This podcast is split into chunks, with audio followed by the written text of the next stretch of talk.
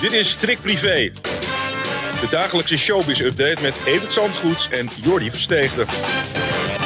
Alweer de één na laatste strikt privé podcast van deze week. Zometeen naar Rel Hazes, maar eerst even naar een flinke rel daar in Amerika, Evert. Britney Spears moeten we het over hebben. Ja, daar kwam gisteravond binnen het nieuws dat zij opnieuw in een scheidingsaffaire uh, verwikkeld is. En ja, dat na iets meer dan een jaar huwelijk met Sam Asghari en uh, ja, het is een, uh, een triest verhaal, want het, de messen worden alweer geslepen. Hij heeft aangekondigd via zijn advocaat de huwelijkse voorwaarden, die zo zorgvuldig waren afgesproken, te gaan aanvechten.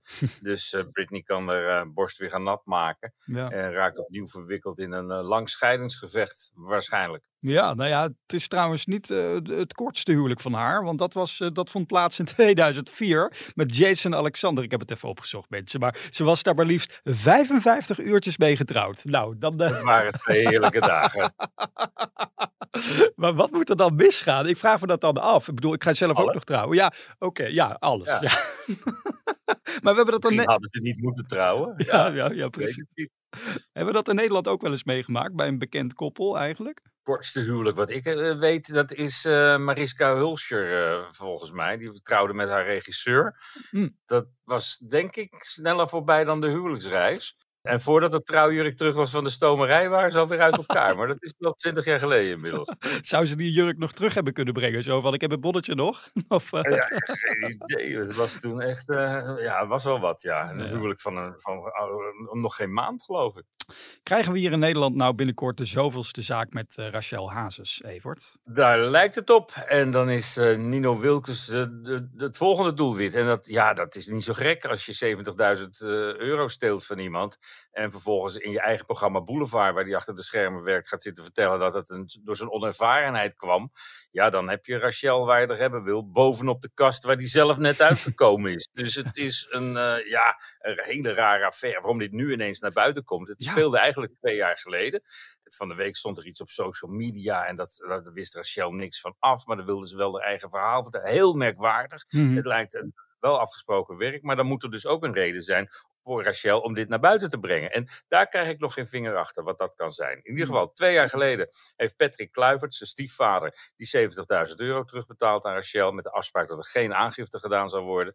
Nou ja, toch lief van, van Patrick om eventjes dat bedrag uh, over te maken. Maar uh, ja, ze is nu zo boos dat ze alsnog aangifte wil doen. De vriendschap tussen iedereen was uh, destijds wel voorbij. Mm-hmm. En ja, ze, heeft ook, gesprekken opgenomen en die bandjes bewaard. Dus het is, de rel is compleet. Ja. Maar wat er nou achter zit, dat weten we nog niet goed. Maar uh, zie jij het zitten, de zoveelste zaak met Rachel? Moet je dit niet gewoon even onderling gaan oplossen in plaats van weer naar die... Het is opgelost. Het is gewoon terugbetaald. Hij heeft dat gedaan. En uh, ja, maar raar jongetje ook hoor destijds met dat hondenkennel op Curaçao, dat was toch ook niet helemaal zuivere koffie. En daar is hij ook redelijk mee weggekomen. Terwijl ja. er toch iets, eh, heel veel geld was opgehaald altijd met, voor een hondenkennel wat er nooit gekomen is. ja. En dan had hij weer emmers geregeld bij de blokker. Nou, ik weet niet wat een emmer, 20 emmers. En die werden met een container naar Curaçao gebracht. Weet, weet je wat een container, hoe, hoe duur die emmers zijn als ze aankomen in Curaçao?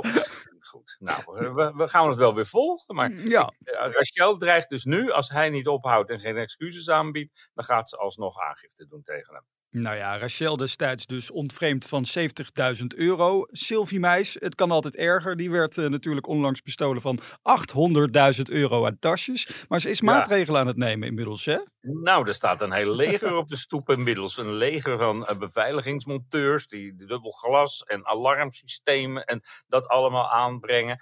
En uh, ja, zelf blijft ze er redelijk cool onder. Ze kwam gisteren, toen dat allemaal werd vastgelegd door een cameraman van Shownieuws, mm. kwam ze net naar buiten en daar wou ze er eigenlijk niks over zeggen. Of ze zich nog wel veilig voelt in haar eigen huis. Oh. Nou, de maatregelen die ze genomen heeft, die zeggen daar niks over, want de verzekering zal dat ook geëist hebben inmiddels. Dus of dat nou aan haar ligt dat ze zich niet meer veilig voelt, of dat de verzekering zegt van ja, dit gaat geen tweede keer gebeuren, mm. dat weten we niet. Maar in ieder geval, ze is nu beter bewapend dan uh, de vorige keer toen ze op Ibiza zat en het roverschilde zijn, zijn slag sloeg. Kijk, nou ja, bij de Meilandjes werd een eh, pension net voor de opening bijna afgepakt in de gemeente Noordwijk. Dat had, had allemaal te maken met die vergunningen die nog niet rond waren. Maar ja, ik ben er even ingedoken, maar die vergunningen die zijn er nog steeds niet. Dat duurt wel ontzettend lang eigenlijk, hè? Ja, dat in Noordwijk ook al. Het is echt, de bureaucratie is enorm. En als je ziet hoeveel ambtenaren er weer bijgekomen zijn de afgelopen vijf jaar, het is Ja. niet normaal. Maar elke ambtenaar neemt ook een assistent aan en vervolgens gebeurt er helemaal niks meer. Dus ik weet niet waar, de, waar dat bureau uithangt, of die ook op het strand liggen. Dat kan bijna niet deze zomer. Maar eh, ze zitten nog steeds te wachten op die vergunning. En ja, inmiddels draait het allemaal. En hebben ze dus een tijdelijke oplossing gevonden door de nieuwe Nadege daar te laten logeren, of Ja. te laten slapen. Maar eh, ja, je wilt toch dat de zaken op orde zijn. En Noordwijk moet er eerst een probleem van maken. Dan moet dat nou maar eens gaan oplossen, lijkt me. En ach, over vergunningen gesproken. Hans Klok, laten we hem er toch nog even bij toveren hier in deze podcast. Die hangt nog steeds ergens in de trapeze met de gemeente Tessel.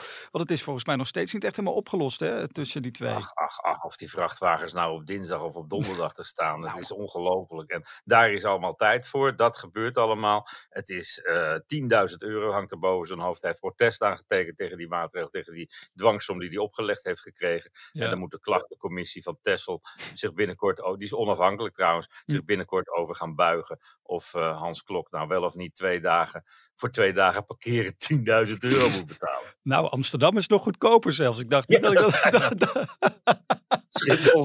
Ik dacht niet dat ik dat ooit kon. En trouwens, hij kreeg nog eh, nou ja, hulp of steun in ieder geval uit onverwachte hoek. Gisteravond, Johan Derksen, die nam het ook voor, voor Hans op. Maar die noemde hem een rare goochelaar. En dan komt die, die rare goochelaar, die gaat met een circus tent, die klok, naar Ja. Texel.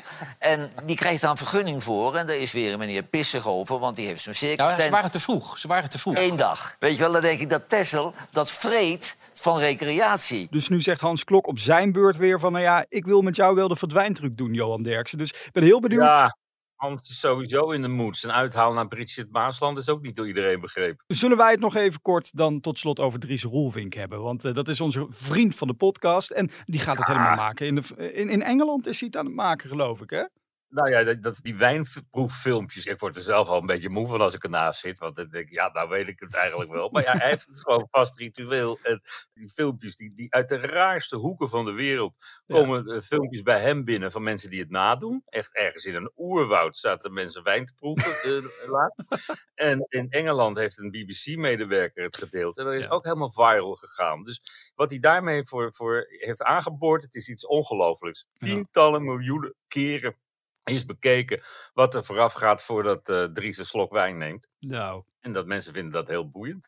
ik voel een eh, Engelse versie van... Ik, is een nieuwe single komt uit, hè? Komende nacht. Wordt het ja, wordt het nee? Kijk, En eh, hij denkt er een knaller mee in handen te hebben. En ja, dat, we gunnen Dries alles. zeker. En binnenkort komt daar dan ook een Engelse versie van uit. Verwacht ik zo, hè? Want het moet ook allemaal doorbreken daar in het Verenigd Koninkrijk. Morgen eh, is het weer vrijdag. Dan hebben we de persconferentie. Dus stuur je vraag in voor Evert via podcast.telegraaf.nl.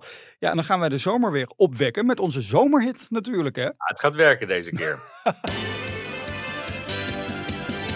De zon schijnt bij Evert Zantegoed met Jordi aan zijn zij, want het is zomer.